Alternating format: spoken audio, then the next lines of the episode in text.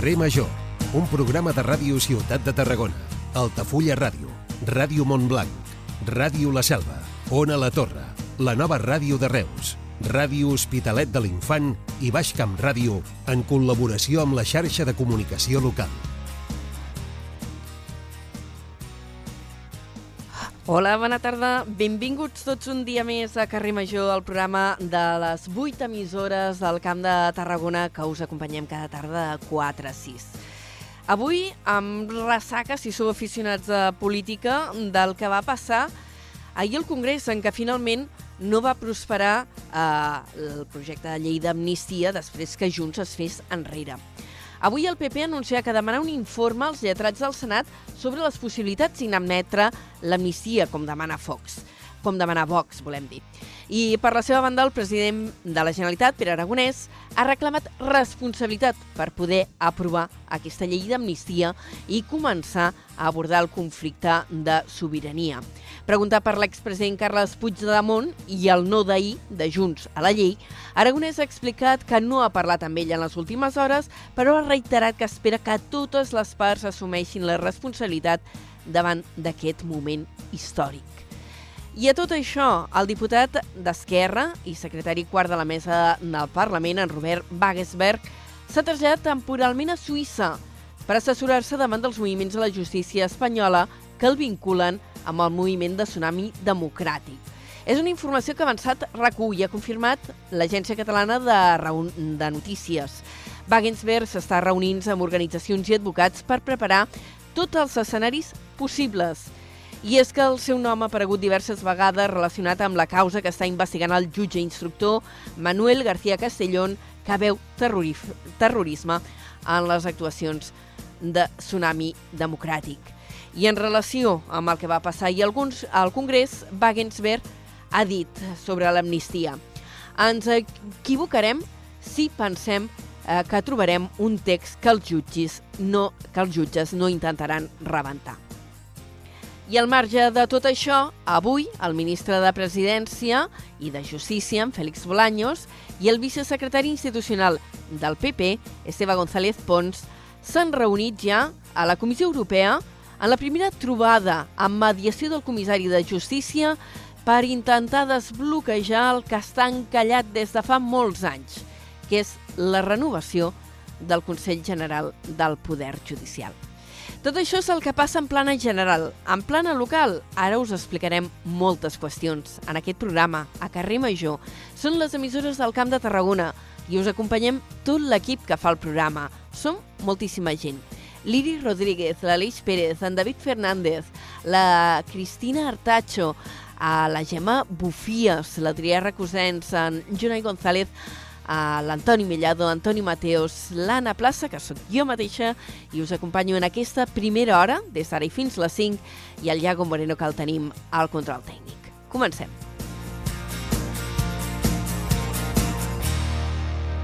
Carrer Major, Anna Plaza i Jonai González.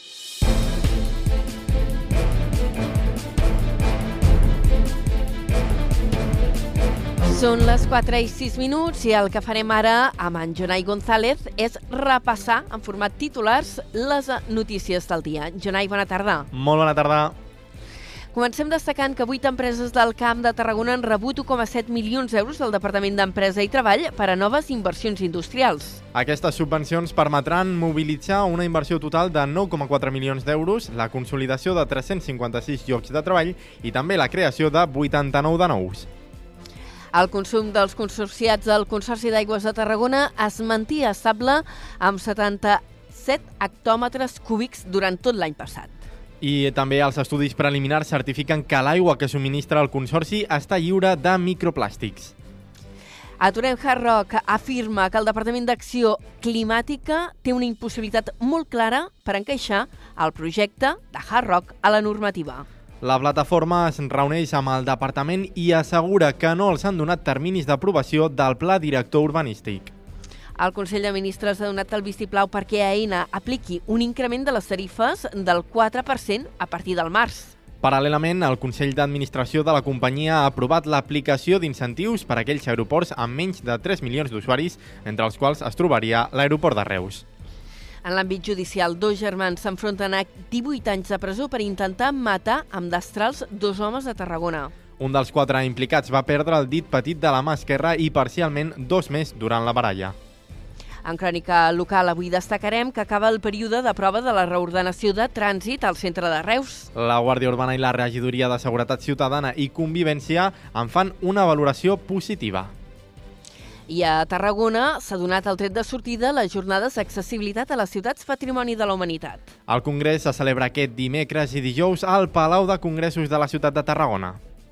En esports arriba la novena edició de la Ultra Trial de Tarragona que es disputarà el 24 de febrer. Es tracta d'un clàssic del running al nostre territori que ja compta amb 400 inscrits.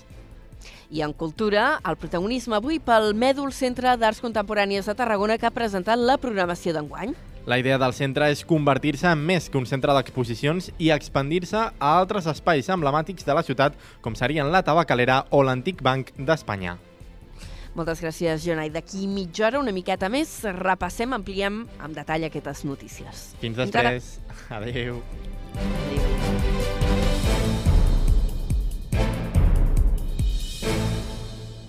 Carrer Major. Toni Mateos.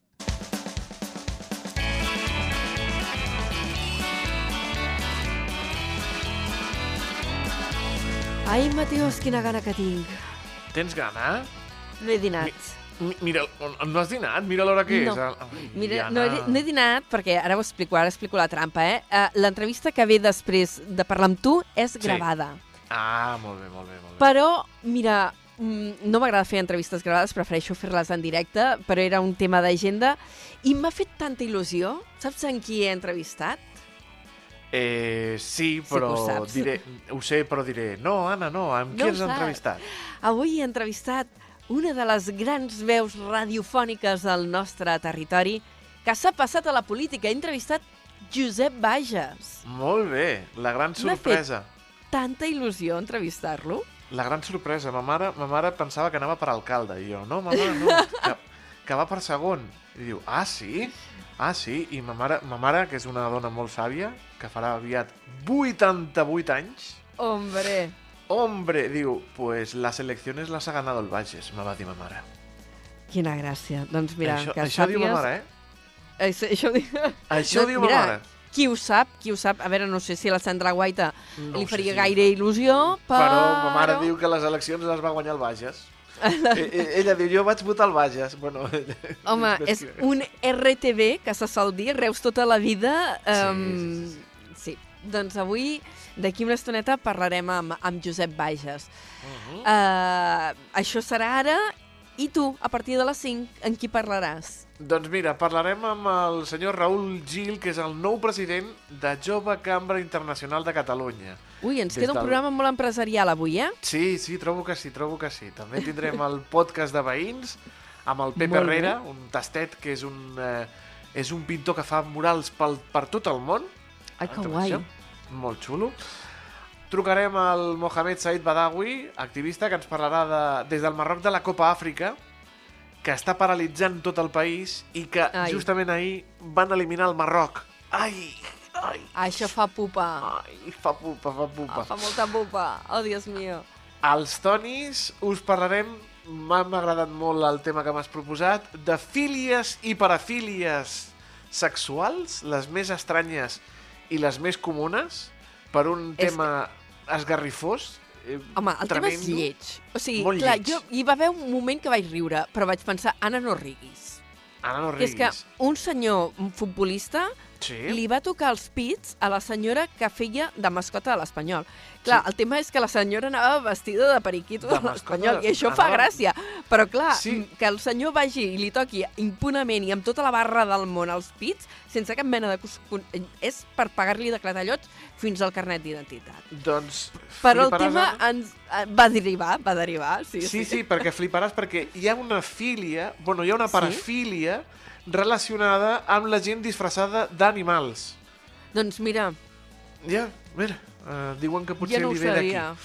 Sí, Potser sí, ja veuràs. Té un nom supercomplicat que ara sóc incapaç de No, reproduir. és igual, ja ho, ho explicaràs després de les 5. Ara, aquest Sí. senyor, futbolista, targeta No, no. vermella, eh? Eh, targeta vermella absoluta, targeta vermella absoluta. i patada al cul, ja està. I tant, i tant.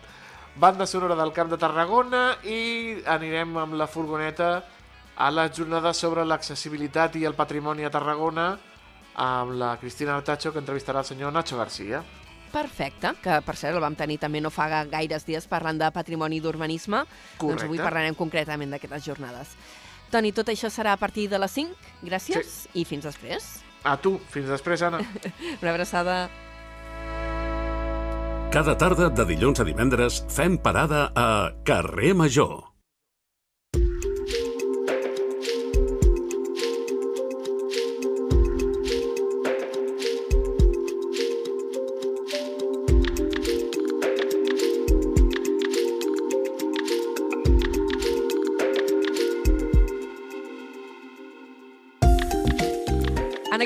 Del programa mm, us confessem, una, us confessem la mica de trampa que fem avui, perquè l'entrevista és gravada per qüestions d'agenda. Avui conversarem amb en Josep Bages, que és regidor de Promoció Econòmica, Innovació i Coneixement de Reus i conseller delegat de Redesa, de l'empresa pública Redesa, que és una mica l'excusa pel qual el volem entrevistar avui, perquè és que aquesta empresa fa 30 anys. Senyor Bages, bona tarda, benvingut. Bona tarda, Anna. Amb Molt una... content de parlar amb vosaltres i especialment amb tu, eh? Sí, bueno, abans de començar l'entrevista hem, hem estat recordant vells temps de ràdio perquè Josep Bages, clar, ara es dedica a la política, però ha sigut la veu de radiofònica de Reus durant molts anys. Sí, no, no, i a més a més, eh, jo soc home de ràdio, eh? i sempre reivindico tot l'aprenentatge que vaig tenir a la ràdio i que m'ha servit, entre d'altres coses, per arribar fins on soc ara. No? Doncs mira, ens, eh, en, ens alegra retrobar-nos després de tant de temps, perquè ara feia temps que, que no coincidíem, que no xerràvem, i doncs mira, aquesta entrevista és també una retrobada. Uh, què fem? Eh, Parlo de vostè o et dic Josep? Home, Josep, Anna, sisplau, Josep. que ens coneixem des que anàvem amb pantalons curts. Sí, sí, quasi, quasi. Mira, pantalons curts no, però de fa 20 anys sí, eh? De que érem jovenets tots dos. Doncs. Josep, eh, si em permets, eh, comencem amb una qüestió de- d'actualitat, després ja entrarem a parlar d'aquest 30è aniversari de RDS, però avui a Reus heu tingut eh, visita eh, del conseller de Treball de la Generalitat, de Treball i Empresa, en Roger Torrent, eh, perquè veníeu a visitar una empresa a la qual hi ha estat concedida una subvenció per part de, del govern català. Explica'ns. Sí, no, i a més a més que és una empresa que està molt vinculada a la realitat, eh, no només empresarial, sinó fins i tot social. És una empresa molt compromesa amb la realitat ciutadana, que és Preciber, de la família Correig i de la família Casas, una família més de 50 anys de, de trajectòria en el món de, de l'empresa i que han situat precisament Preciber com un referent en el que és l'elaboració de peces de metal·lúrgia de precisió. No? I és molt bonic que, que vingui un representant de, del nostre govern, de, de Catalunya, del nostre país, a posar en valor la tasca d'uns empresaris que han fet tant per la ciutat i nosaltres sempre diem a Reus que fer empresa, tenint en compte que està molt interioritzat amb el nostre ADN, és fer ciutat. I el cas de Preciber és paradigmàtic d'aquesta evidència. Uh, una empresa que ha rebut una subvenció de, de mig milió d'euros. De fet, el conseller ha aprofitat uh, per anunciar uh, les aportacions que, que fa el govern al Camp de Tarragona. Mm, Ha concretat que hi ha vuit empreses al territori que rebran 1,7 milions d'ajuts per fer noves inversions industrials. Estem parlant d'empreses també molt especialitzades, no? Perquè, pel que ens explicaves en aquest cas concret d'aquesta empresa reusenca. Sí, no, perquè són empreses, a més a més, que tenen una projecció internacional. És molt important aquesta capacitat que sempre ha tingut l'empresariat reusenc, l'empresariat local, de mirar més enllà. No? Sempre diem que el nostre mercat no és només Reus, Catalunya o Espanya, sinó que el nostre mercat és el món.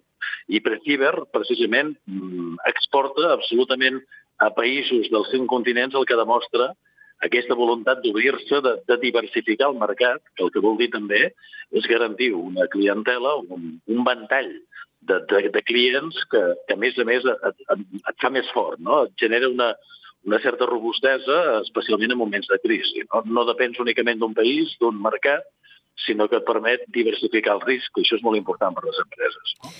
El conseller ha visitat aquesta empresa, l'heu acompanyat. No sé si, aprofitant la visita, heu fet alguna coseta més o li heu demanat alguna cosa en concret? No, el que passa que sí que està molt bonic tot el tema vinculat també a la projecció que té Acció. Acció que és aquest organisme que té precisament la Generalitat per, per poder projectar les empreses per ajudar-les. En el cas del Camp de Tarragona hi ha una delegada molt activa, amb molta trajectòria, que és la Mònica Boquera, i a nosaltres ens sembla molt interessant també des de Reus generar aquest vincle amb acció, com també amb d'altres realitats vinculades al món de l'empresa. Parlaves de la inauguració de PIMEC a Tarragona, però també en el cas concret de Reus, la Cambra de Comerç, que té tanta potència, no? que, que té aquesta capilaritat sobre el territori, que atorga també capitalitat a la ciutat de Reus. Per tant, aquesta suma de voluntats, no tot ho ha de fer l'administració, ens hem de deixar acompanyar, això també parlo com a Ajuntament, i és molt important que aquests altres agents, el que són corporacions de dret públic com la Cambra, patronals com PIMEC, doncs també han de sumar a l'hora de poder ajudar les empreses. Uh -huh. I de Redesa, que n'heu parlat amb el conseller? No, perquè avui el protagonisme era per, per Fiber. Eh? Avui el protagonisme és per les empreses. A més a més, la nostra alcaldessa, la Sandra Guaita, sempre diu que hem de fugir d'aquests protagonismes, que, que cal, el que cal fer des de l'administració és acompanyar, i RDESA, que, que és aquest acrònim Reus Desenvolupament Econòmic, el que vol precisament és facilitar les coses. Nosaltres no volem sortir les fotos, no volem, no volem que se'ns assenyali per, per, per, robar protagonisme a ningú, sinó el, el que volem és sumar, fer xarxa, ajudar i contribuir a precisament al desenvolupament econòmic, que és la nostra raó de ser. Uh, però avui, enguany hi sortireu a la foto, eh? perquè l'altre dia ja, ja encetàveu aquests actes de commemoració del 30è aniversari de, de Redesa que va néixer com una incubadora d'empreses, com un projecte que va ser molt pioner en el seu moment, perquè, clar, estem parlant de 30 anys enrere. D'això d'incubadores d'empreses, de, uh, coworkings, tot això ara se'n parla molt, però 30 anys enrere devia suposar una revolució. I, a més, amb un model eh, que no s'ha reproduït en altres municipis de, del Camp de Tarragona, perquè Tarragona, per exemple, tenen eh, Tarragona Impulsa, però no té la dimensió que té Redesa. No, tot i que sí que és cert que, que arreu de, de la demarcació de Tarragona, per exemple, el cas de Flix, el cas de Hospitalet de l'Infant i el cas de Montblanc amb Conquectiva són models que s'inspiren en Redesa. No? Abans deies això de la foto, és cert que vam sortir la foto, l'alcaldessa i un servidor, però envoltats de més de 30 emprenedors de, de Redesa, perquè insisteixo que els protagonistes són ells. Home, vau final, ser portada, eh? Poca broma. No, sí, no me'n recordo si el mes o el diari de Tarragona, però vau ser portada. Però ja dic, no, era per sortir nosaltres de la foto, per marcar-nos el tanto, sinó que aquí l'important són els emprenedors i la gent que fa empresa. I el que, el que et volia posar en valor de, de, del... És a dir, Redesa, que, per què serveix, no?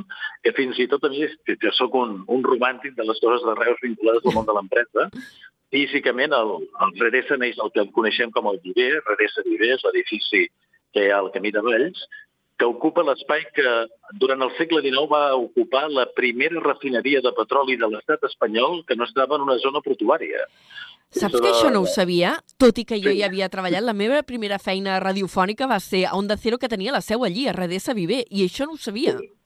Doncs mira, això al segle XIX allà hi havia la Pensilvània, que és refine... eh, era una refineria de petroli de la família Virella, que la família Virella Reus fins i tot va fer un banc, que es compleix el 75è aniversari, i després, durant el segle XX, allà es va construir la Crolls, que és aquesta fàbrica d'electrodomèstics, oh, que van impulsar una sèrie d'empresaris ausents. No? Per tant, de les cendres, diguem-ho així, de, de la Pensilvània i de la Crolls, acaba sorgint el que és Redesa Viver, que vol servir precisament per facilitar l'emprenedoria de les empreses. No? I neix en el concepte aquest de Viver, de trobar un espai físic perquè les empreses puguin començar a créixer i a desenvolupar-se, però evidentment amb un acompanyament tècnic per, per dotar-les de, de tot el coneixement que els pugui possibilitar fer, fer aquest creixement, no? perquè l'empresari moltes vegades té la idea, però li falten els mecanismes, la manera, el sistema, a part de l'emplaçament. No? I això és el que Redés en el seu moment és capaç de generar, com tu molt bé deies, fa 30 anys d'això, i a partir d'aquí Redés ha anat creixent, ara té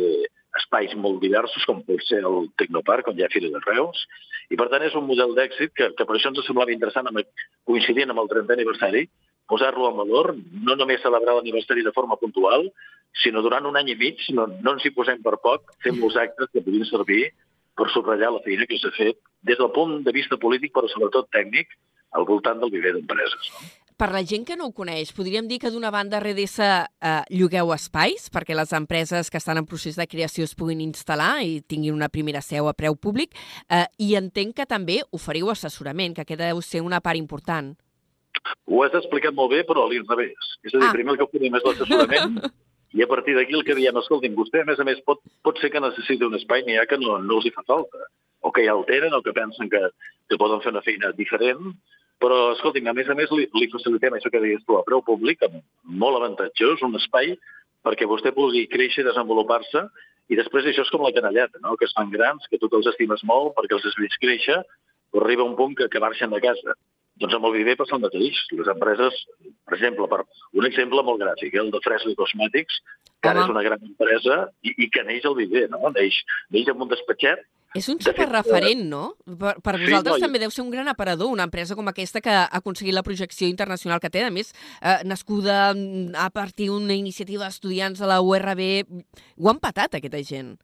No, no, aquesta gent, a, a més, eh, jo diria que ho té tot a l'hora de posar-lo com a exemple pel creixement, per la dimensió, que, que s'han fet grans, que nosaltres tenim ganes de que tornin d'una manera o d'una altra, perquè el que voldrem procurar en aquesta, en aquesta etapa és que tota aquesta gent, no et dic que tornin físicament, perquè evidentment ja, ja tenen unes altres necessitats d'espai, però que el coneixement adquirit l'exemple, no? la practicitat que, que, que han après a Redesa la puguem també utilitzar per servir d'exemple. Però, si em permets, en el cas de, de Redesa Viver, el que és l'espai del Camí de Valls, Sí. l'any 2007-2009 van venir la gent de T-Systems. Evidentment estem parlant d'una multinacional, però ells van pensar que es podien implantar Reus. I el que van fer va ser llogar un despatx a Redesa Viver per 12 treballadors. No? Estem acabant ara aquests dies la remodelació de l'edifici Bioempreses, que en diem Redesa Innovació, l'edifici, i ara serà la seu a la Catalunya Sud de T-Systems amb 500 treballadors. Tu imagina't, per tant, el que permet el Viver, que evidentment no estem parlant del, del naixement d'una empresa, però sí de l'acompanyament d'una empresa que pensa en instal·lar-se a la zona, que se li ofereix un primer espai, que se, que se l'ajuda, fins i tot amb una cosa que en diem el soft landing, que és aquella gent que, que necessita treballadors que venen de fora, eh, té, sistem, té molts treballadors russos, els que cal buscar habitatge, cal buscar escola pels fills, un acompanyament de tot tipus, i això els facilita a Redesa, i aquesta empresa finalment acaba construint o ubicant-se en un edifici de Redesa amb 500 treballadors. No? Això és fantàstic, eh? des del punt de vista de la gestió pública, d'intentar facilitar les coses a les empreses perquè creixin, perquè generin riquesa, que reparteix sobretot a la població, això és fantàstic. Mira, ara et faré una, arran d'aquest cas, eh, una pregunta així una mica capciosa. Um, clar, estem parlant d'una empresa que mobilitza ja 500 professionals. En aquests casos, encara continua sent necessari aquest suport eh, públic, allò per implantar-ho també amb, amb una seu de, de Redesa, que no deixa de ser una empresa eh, pública que depèn de la- de l'Ajuntament, o aquests ja haurien de començar a caminar solets, o... No, Ja no, no, és perquè pregunta ells- capciosa, ells el que fan- El que fan és un... Ells paguen un preu de mercat. Eh? En aquest cas, evidentment, no, no tenen una bonificació, Ah. ah. lògic, per, pel tipus de dimensió d'empresa, però jo sí que voldria posar molt l'accent, i més pel meu perfil, eh? que jo sóc una persona que, que he treballat molts anys a la Càmera de Comerç, que he conegut Sí. la realitat de les empreses, la necessitat que l'administració, això que et deia que sempre subratlla l'alcaldessa, no? De- d'acompanyar les empreses, de facilitar la feina a les empreses, i més en una ciutat com la de Reus. No? Fa uns mesos vam viure una situació tensa perquè vam haver de pujar els impostos, que és una realitat molt dolorosa. Eh? Per, per algú que es vol dedi- dedicar a la gestió pública, arribar a l'Ajuntament i el primer que has de fer és pujar els impostos és molt dur. I en protestes Però- que vau tenir a Reus, n'hi ha hagut a Sí. Tarragona, n'hi ha hagut a on treballo jo ara, a Torredembarra, dir, sí, sí, ha sigut un Sí. context bastant general, eh, aquest. Però la manera de no pujar els impostos, més enllà... Perquè, evidentment, els serveis els has de prestar. I si volem serveis de qualitat per a la ciutadania, això té un preu. Però la manera d'estalviar impostos a la ciutadania és que vinguin més empreses, que s'instal·lin a la ciutat, que paguin més impostos, que aquesta gent, evidentment, quan parlem de 500 treballadors, molts d'ells venen a comprar les botigues de Reus. Tot això compren pisos a Reus. Per tant, tot això genera riquesa, moviment econòmic, que al final tot això reverteix sobre la ciutat. No? Jo el que, el que estic intentant introduir és aquell llenguatge de que les empreses els hi hem de posar tot molt fàcil. Empreses petites que creixen, que neixen, que es desenvolupen tot el tema de l'emprenedoria, però aquelles empreses grans que puguin venir a la ciutat de Reus, que vulguin venir a la ciutat de Reus, també ho han de tenir fàcil. Naturalment, dins de la legalitat, però sí hem de posar fàcil perquè ens beneficia absolutament a tothom. I Reus, que és una ciutat que, on no hi ha res, absolutament res que no s'expliqui per l'empresa, perquè darrere de qualsevol entitat, sigui social, esportiva, cultural, cívica, hi ha una empresa, això encara ho hem de remarcar més, ho hem de facilitar més. No? Ara hem parlat d'aquesta aposta de T-Systems, que va començar amb 12 treballadors i ara quan puguin estrenar, que ho preveieu per enguany, aquestes seus a Redesa Innovació, al campus de, de Vallicens, o a tocat del campus de, Vallicens. Eh, eh, també anunciàveu ara fa quatre dies que hi ha una altra empresa, a veure si ho diré bé, eh, Bionext, que entenc que depèn d'IBM, eh, que té intenció de duplicar el nombre de treballadors que té a les oficines de Redesa Tecno, al Tecnopark.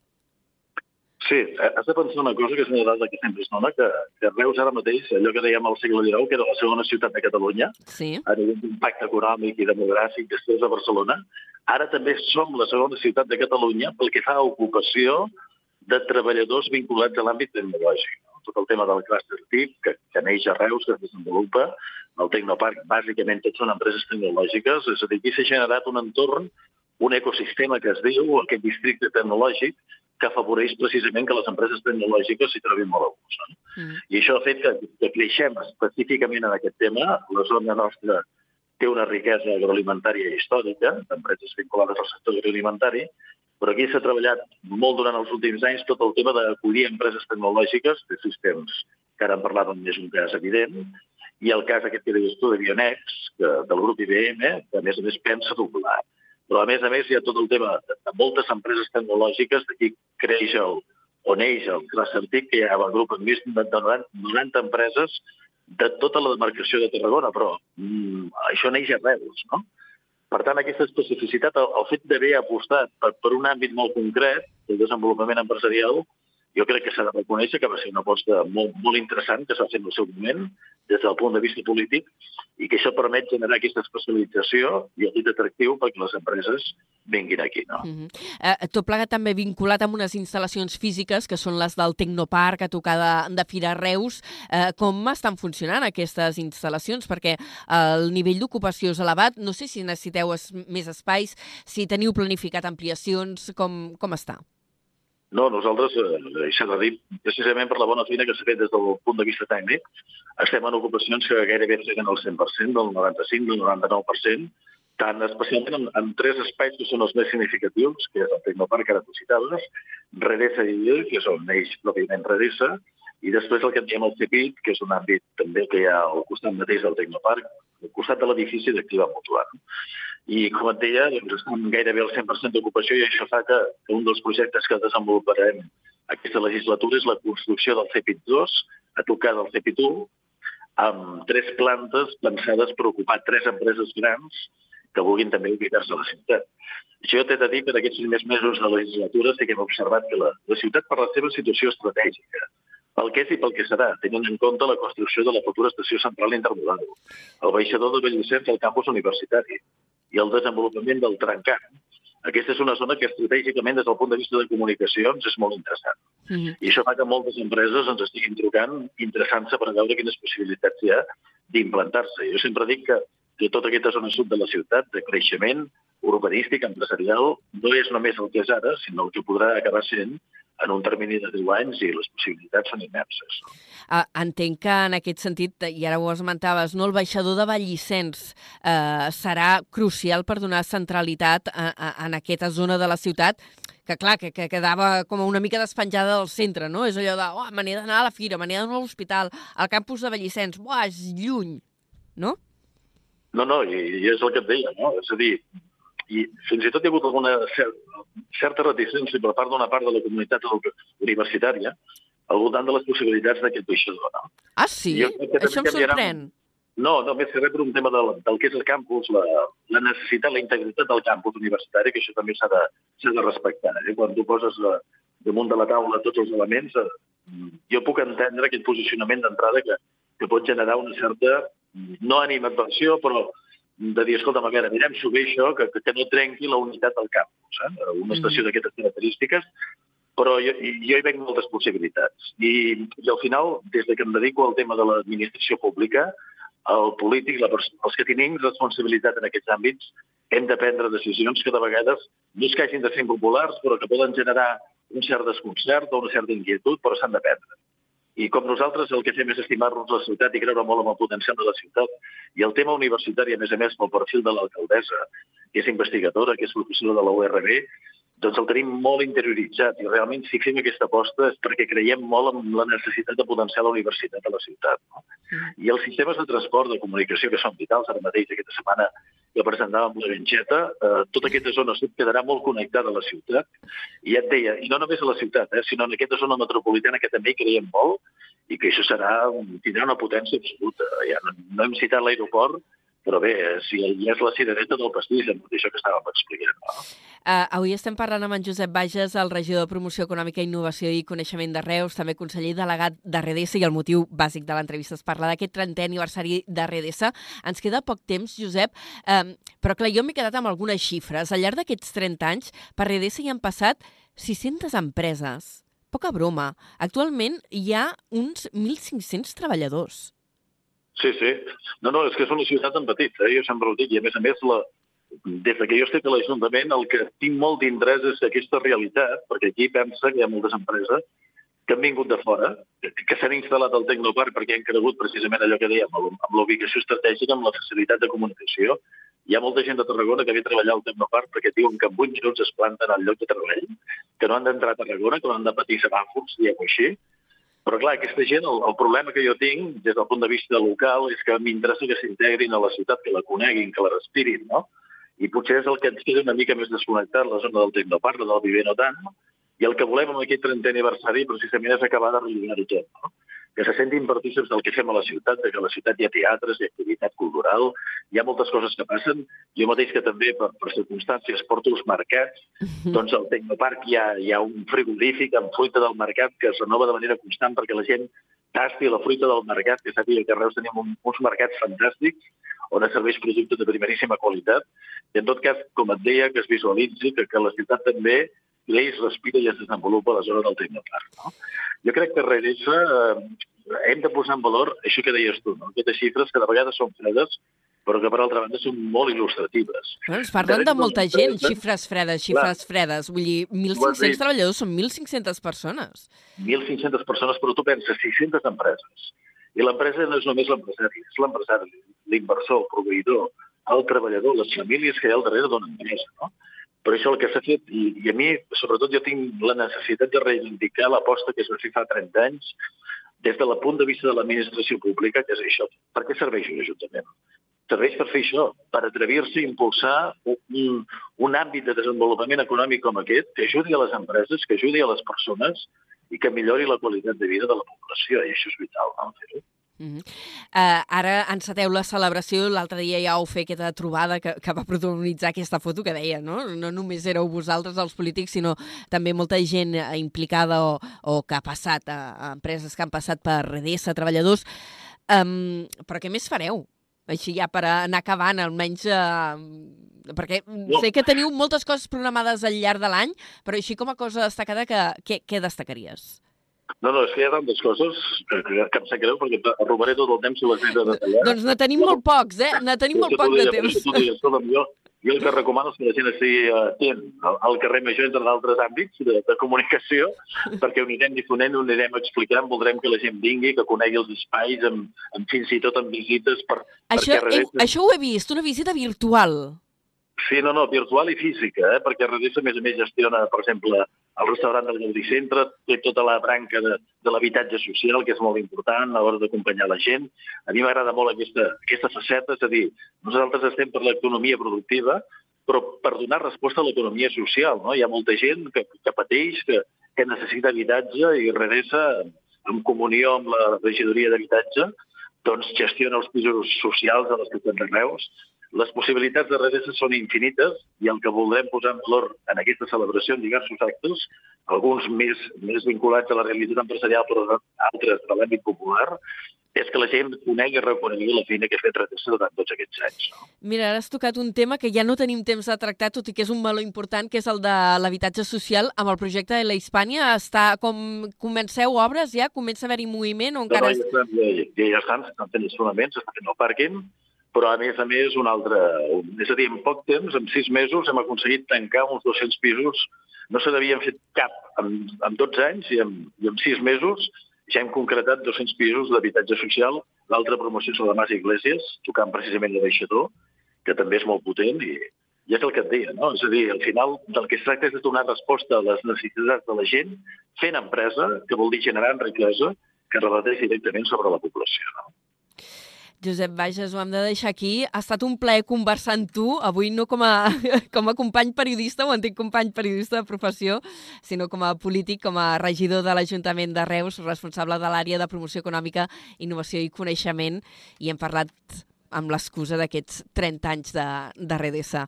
Per molts anys i, escolta, fins la pròxima. A vosaltres la, la gratitud i sobretot el reconeixement de la feina que feu, perquè una societat com la nostra no es construeix sense mitjans de comunicació potents com el seu vostre, també. Una Molt- abraçada. Moltes gràcies, Josep. Fins la propera. Fins la Carrer Major, al Camp de Tarragona, des de ben a prop.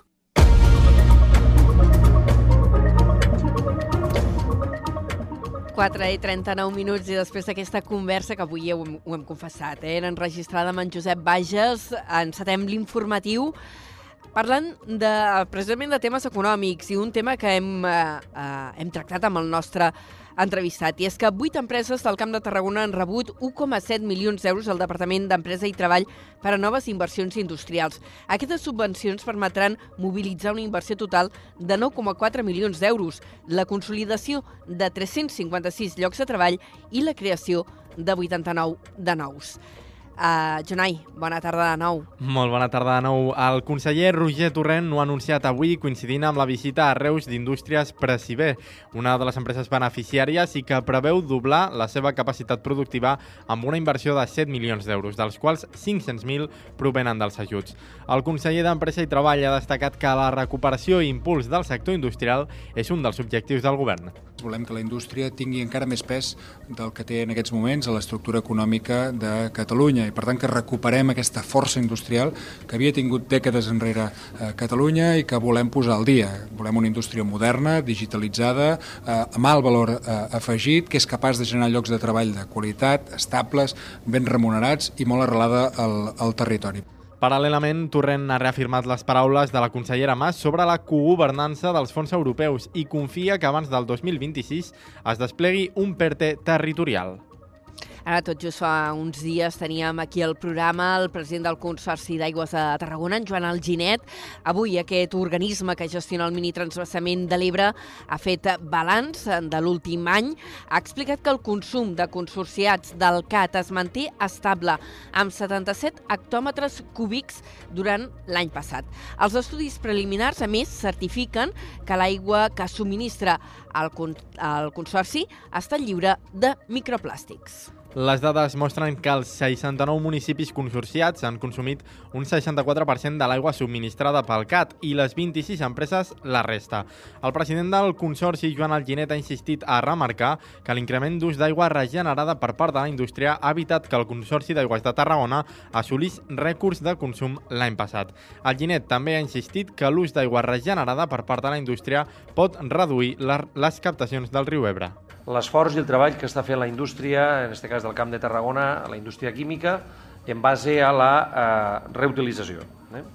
La reutilització que eh, respecte al consum general del CAT eh, estaríem parlant que la- l'aigua reutilitzada ja és un 7%, eh, del volum de consum global del, del Consorci, un 7%, i del volum de la indústria representa ja prop d'un 18%.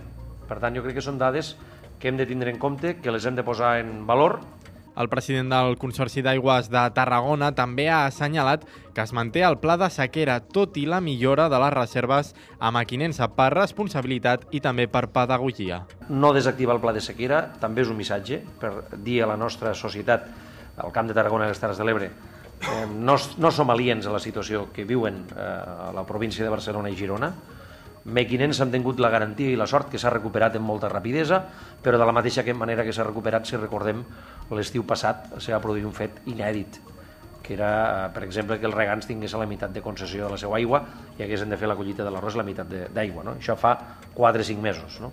El Ginet també insisteix que cal millorar l'eficiència de la xarxa en baix per evitar que es perdi el 50% de l'aigua distribuïda als municipis i ha recordat que el CAT acaba de rebre una certificació del 99,3% de la seva infraestructura. Pel que fa a la qualitat, els estudis preliminars certifiquen que l'aigua que subministra el Consorci d'Aigües està lliure de microplàstics. I tot just ahir es va reunir la Comissió Territorial del Camp de Tarragona de la Taula Nacional de l'Aigua amb l'objectiu de marcar el full de ruta de la gestió hídrica del territori. Segons ha informat la Generalitat, hi han participat una trentena d'actors implicats en la gestió i consum d'aigua i s'han abordat una setantena de propostes. Aquestes passen per l'aposta per l'aigua desalinitzada i regenerada, la millora i modernització de les xarxes de distribució i l'aprofitament d'aigües grises i pluvials. A la primavera hi haurà una nova reunió per tancar propostes que posteriorment s'elevaran a la taula nacional de l'aigua. Aquesta comissió territorial està liderada per la delegació del govern al Camp de Tarragona i entre les institucions que hi participen hi ha el Consorci d'Aigües de Tarragona, Comunitats de Regants, Unió de Pagesos, Aigües Industrials de Tarragona i també entitats ecologistes. Aturem Hard afirma que el Departament d'Acció Climàtica té una impossibilitat molt clara per encaixar el projecte del Hard Rock a la normativa. La plataforma s'ha reunit amb el departament i assegura que no els han donat terminis d'aprovació del pla director urbanístic. La també portaveu de la plataforma, Anna Requesens, ha afirmat que Hard Rock no es pot fer per les dificultats d'adaptar el projecte a les exigències tècniques mediambientals i de seguretat química. Per això, des de la plataforma han reclamat al govern enterrar la iniciativa. El portaveu d'Aturem Hard Rock, Eloi Redon, destaca que Acció Climàtica té problemes per trobar l'encaix del projecte però nosaltres el que, el que reiteràvem ara mateix és que si portem ja 3 anys intentant modificar un pla director urbanístic i uns informes segueixen sent desfavorables i que no hi ha cap manera d'incabir-los, nosaltres creiem que ja és el moment d'enterrar aquest projecte d'una vegada per totes i deixar de marejar la perdiu en aquest sentit. Alhora, des de la plataforma han reivindicat que ha estat la mobilització popular qui ha frenat fins ara el complex que per l'entitat és nociu i destructor. I hem de parlar també de gestió aeroportuària. El Consell de Ministres ha donat el vistiplau perquè AENA apliqui un increment de les tarifes del 4% a partir de març. Paral·lelament, el Consell d'Administració de la companyia ha aprovat l'aplicació d'incentius pels aeroports més petits, els de menys de 3 milions d'usuaris, entre els quals hi ha Reus i Girona. El govern espanyol assegura que, tot i aquest increment, les tarifes mitges seran més baixes que el 2015 i afirmen que els aeroports de la xarxa d'AENA seran els més competitius d'Europa.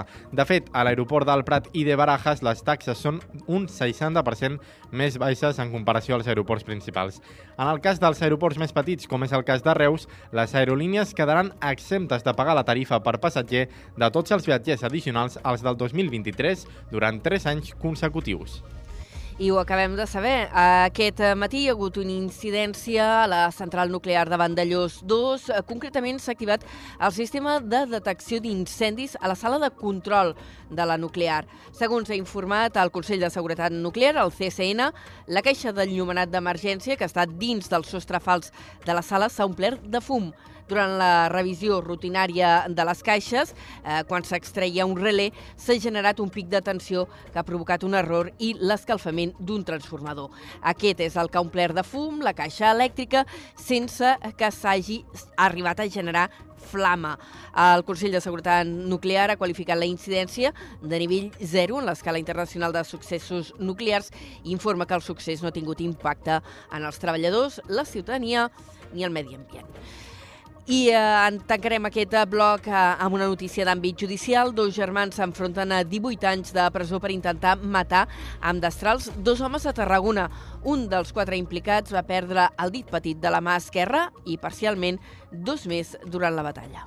Els fets van passar el 8 de març de l'any 2022, quan els quatre individus s'havien discutit i colpejat abans perquè dos d'ells van fer fora del pis on convivien al carrer Sant Miquel a un dels dos germans. Més tard, els germans van tornar a buscar els altres dos investigats i van agredir-los. Fiscalia els demana 12 anys de presó per un delicte d'homicidi en grau de temptativa i 4 més per un de lesions amb instrument perillós. També sol·licita 3 anys i 6 mesos de presó per lesions per als altres dos processats i víctimes, un dels quals no s'ha presentat al judici Són les 4 i 47 minuts, encetem la crònica estrictament local, ho fem situats eh, en primer lloc a Reus, on acaba el període de prova de reordenació de trànsit al centre de la ciutat. La Guàrdia Urbana i la Regidoria de Seguretat Ciutadana i Convivència en fan una valoració positiva. Des de la nova ràdio de Reus ens ho explica la Laura Navarro. Després d'uns mesos en fase de prova, aquest 31 de gener ha finalitzat la primera fase de la reordenació del trànsit al centre de Reus. Fins al moment hi ha un total de 3.266 matrícules dins el registre per poder accedir als carrers delimitats. 409 són de residents del centre i 2.847 són vehicles de servei i emergències. En relació a les possibles modificacions, la Regidoria de Seguretat Ciutadana i de Convivència ha informat que podrien afectar els horaris o els usos, encara que també ha recordat que hi ha un horari pensat perquè els proveïdors puguin carregar i descarregar. A més, la regidoria s'ha mostrat oberta a les modificacions segons les peticions de la ciutadania.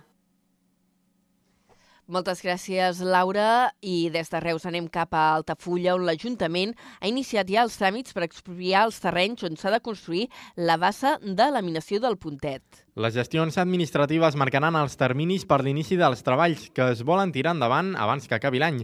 Ens n'amplia la informació des d'Altafulla Ràdio la Carol Cubota. Aquesta setmana surt a exposició pública el pla d'actuació per l'expropiació dels terrenys on s'ha d'ubicar la futura bassa de laminació d'Altafulla. Es tracta d'un document que inclou el projecte de creació de la bassa i que especifica els termes en què s'ha d'executar aquesta expropiació, així com també els motius que justifiquen la mesura. La publicació del document durant 30 dies és prèvia a la seva aprovació pel plenari municipal i també requereix d'informes d'altres organismes que l'avalin abans d'aprovar-se, com ha explicat el secretari municipal Bernat Moreno tot aquest conjunt d'informes que ens tenen que, que enviar a diferents administracions i que normalment és quan és, són més es dilata el procediment, però bueno, tindrà que anar al ple, en el ple es farà l'aprovació inicial i d'aquesta aprovació inicial passarà a urbanisme que farà l'aprovació definitiva.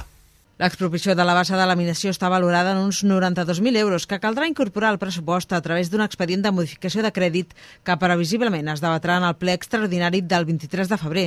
La voluntat del consistori és iniciar els treballs de la bassa pels vols de la tardor d'enguany. Per cert, que el ple de l'Ajuntament d'Altafulla, que es celebrava dilluns al vespre, ha acordat demanar a l'Estat la concessió del passeig de botigues del mar. D'aquesta manera, l'espai, que és de domini marítim o terrestre, passarà a ser totalment municipal. Això implica que l'Ajuntament ja no haurà de demanar autorització a l'Estat per fer-hi obres de millora i manteniment, com les que s'hi estan fent ara, i que també tindrà plena autonomia per gestionar els permisos de les terrasses.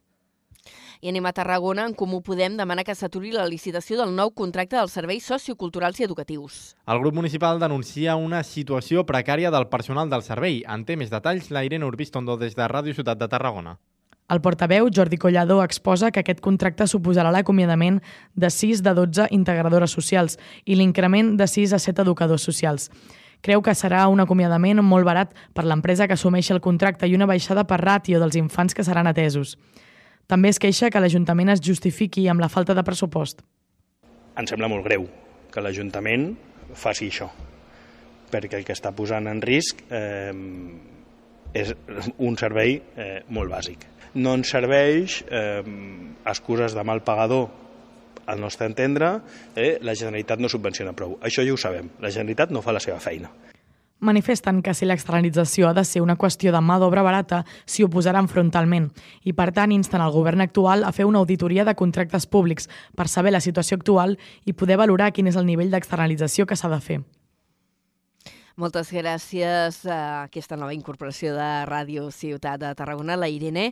I ara parlem de les jornades Accessibilitat a les ciutats Patrimoni de la Humanitat que han arrencat avui, un congrés que s'està celebrant al Palau de Congressos de la ciutat. Es fa amb la coorganització de l'Ajuntament i el grup Ciudades Patrimonio de la Humanitat d'Espanya, on es proposen diverses ponències, taules de debat i tallers que posen el focus en com fer el patrimoni més accessible. Ens fa la crònica a l'Adrià Duc des de Ràdio Ciutat de Tarragona. Les jornades han arrencat aquest matí amb les inscripcions completes. La benvinguda ha anat a càrrec de Iago Lestegàs, regidor d'Urbanisme, Habitatge i Ciutat Històrica de l'Ajuntament de Santiago de Compostela, que ha intervingut en nom del Grupo Ciudades, i l'alcalde de Tarragona, Rubén Viñuales. Viñuales ha destacat que és conscient que Tarragona queda molt camí per recórrer. Ha parlat del Fòrum de la Colònia, que considera el primer gran projecte que incorpora la perspectiva de l'accessibilitat a la ciutat. Els treballs compten amb un finançament de 3 milions d'euros d'euros de fons europeus i, segons ha afegit l'alcalde, suposaran un canvi substancial en la concepció d'accés al patrimoni. És veritat que ens queda molt per recórrer, però ten també tenim exemples no? on, on s'està treballant molt i sobretot tenim exemples que ja estem en vies com el Fòrum de la Colònia, que serà un canvi substancial, de veritat, serà un canvi radical de la concepció no? de l'accés, l'accessibilitat al patrimoni, o, per exemple, aquesta Torre del Pretori, que també estem optant a fons per tal de, de poder millorar-ho. Rubén Viñuales ha valorat positivament l'inici de les jornades. Creu que l'accessibilitat és un tema que no ha preocupat històricament i ha recalcat l'obligació del consistori de garantir que el patrimoni sigui per a tothom, incloses les persones amb mobilitat reduïda o altres tipus de discapacitat. I ara parlem d'un servei de caràcter social que es comença a implementar a Vandellós. Es tracta d'un servei de canguratge que oferirà l'Ajuntament. El Casalet és el nom que rep i està adreçat a les famílies amb infants de 6 a 12 anys i estarà ubicat al Casal de Joves de dilluns a dimecres a partir del 5 de febrer. Des de Ràdio L'Hospitalet, Iri Rodríguez. L'Ajuntament de Vandellós i l'Hospitalet de l'Infant, a través de la Regidoria d'Igualtat, posarà en marxa un nou servei a partir del 5 de febrer. Es tracta del Casalet, un servei de cangruatge que estarà a disposició de les famílies amb infants de 6 a 12 anys al Casal de Joves de Vandellós. Esmeralda Saladier és la regidora d'Igualtat. Les famílies han de fer una inscripció prèvia, que la poden fer a la web de l'Ajuntament o quan, amb horari que el casal de joves està en funcionament. També voldríem dir que altres accions que estem preparant també amb, amb la línia de, de la conciliació per ajudar a la conciliació familiar és que en breu, en dos o tres setmanes, obrirem també al costat del casal de joves un espai també per servei de canguratge pels nens de 0 a 5 anys. I properament també iniciar, iniciarem una iniciativa a l'Hospitalet de l'Infant. Aquest servei està finançat pel Fons Estatal Pla Corresponsables del Ministeri d'Igualtat a través del Departament d'Igualtat i Feminismes de la Generalitat de Catalunya. Anem a parlar d'esports amb aquesta sintonia i concretament de la novena edició de la Ultra Trial Tarragona que es disputarà el 24 de febrer. Es tracta d'un clàssic del running al nostre territori que ja compta amb 400 inscrits. Adrià Duc, des de Ràdio Ciutat de Tarragona. L'esdeveniment organitzat pel Club Tenis Tarragona estarà format per quatre curses de 10, 21, 42 i 62 quilòmetres respectivament, a més de curses alternatives com la Kids, la Genuine o la BTT Gravel. I el recorregut portarà els participants per zones tan emblemàtiques com els castells del Baix Gaià, la Pedrera Romana del Mèdol o la platja llarga de Tarragona, on es farà l'últim quilòmetre de la cursa. El codirector de la cursa, Dani Bullo, ha remarcat la labor dels voluntaris i ha afirmat que la cursa s'acosta any rere any a la seva desena edició, d'una prova nascuda a la ciutat i organitzada per als aficionats del running a Tarragona i que a més té el suport de voluntaris de diferents clubs de la demarcació. Les inscripcions per a la cursa continuen obertes i cada cop són més els professionals del running que decideixen afegir al seu calendari de 2024 l'Ultra Trail de Tarragona.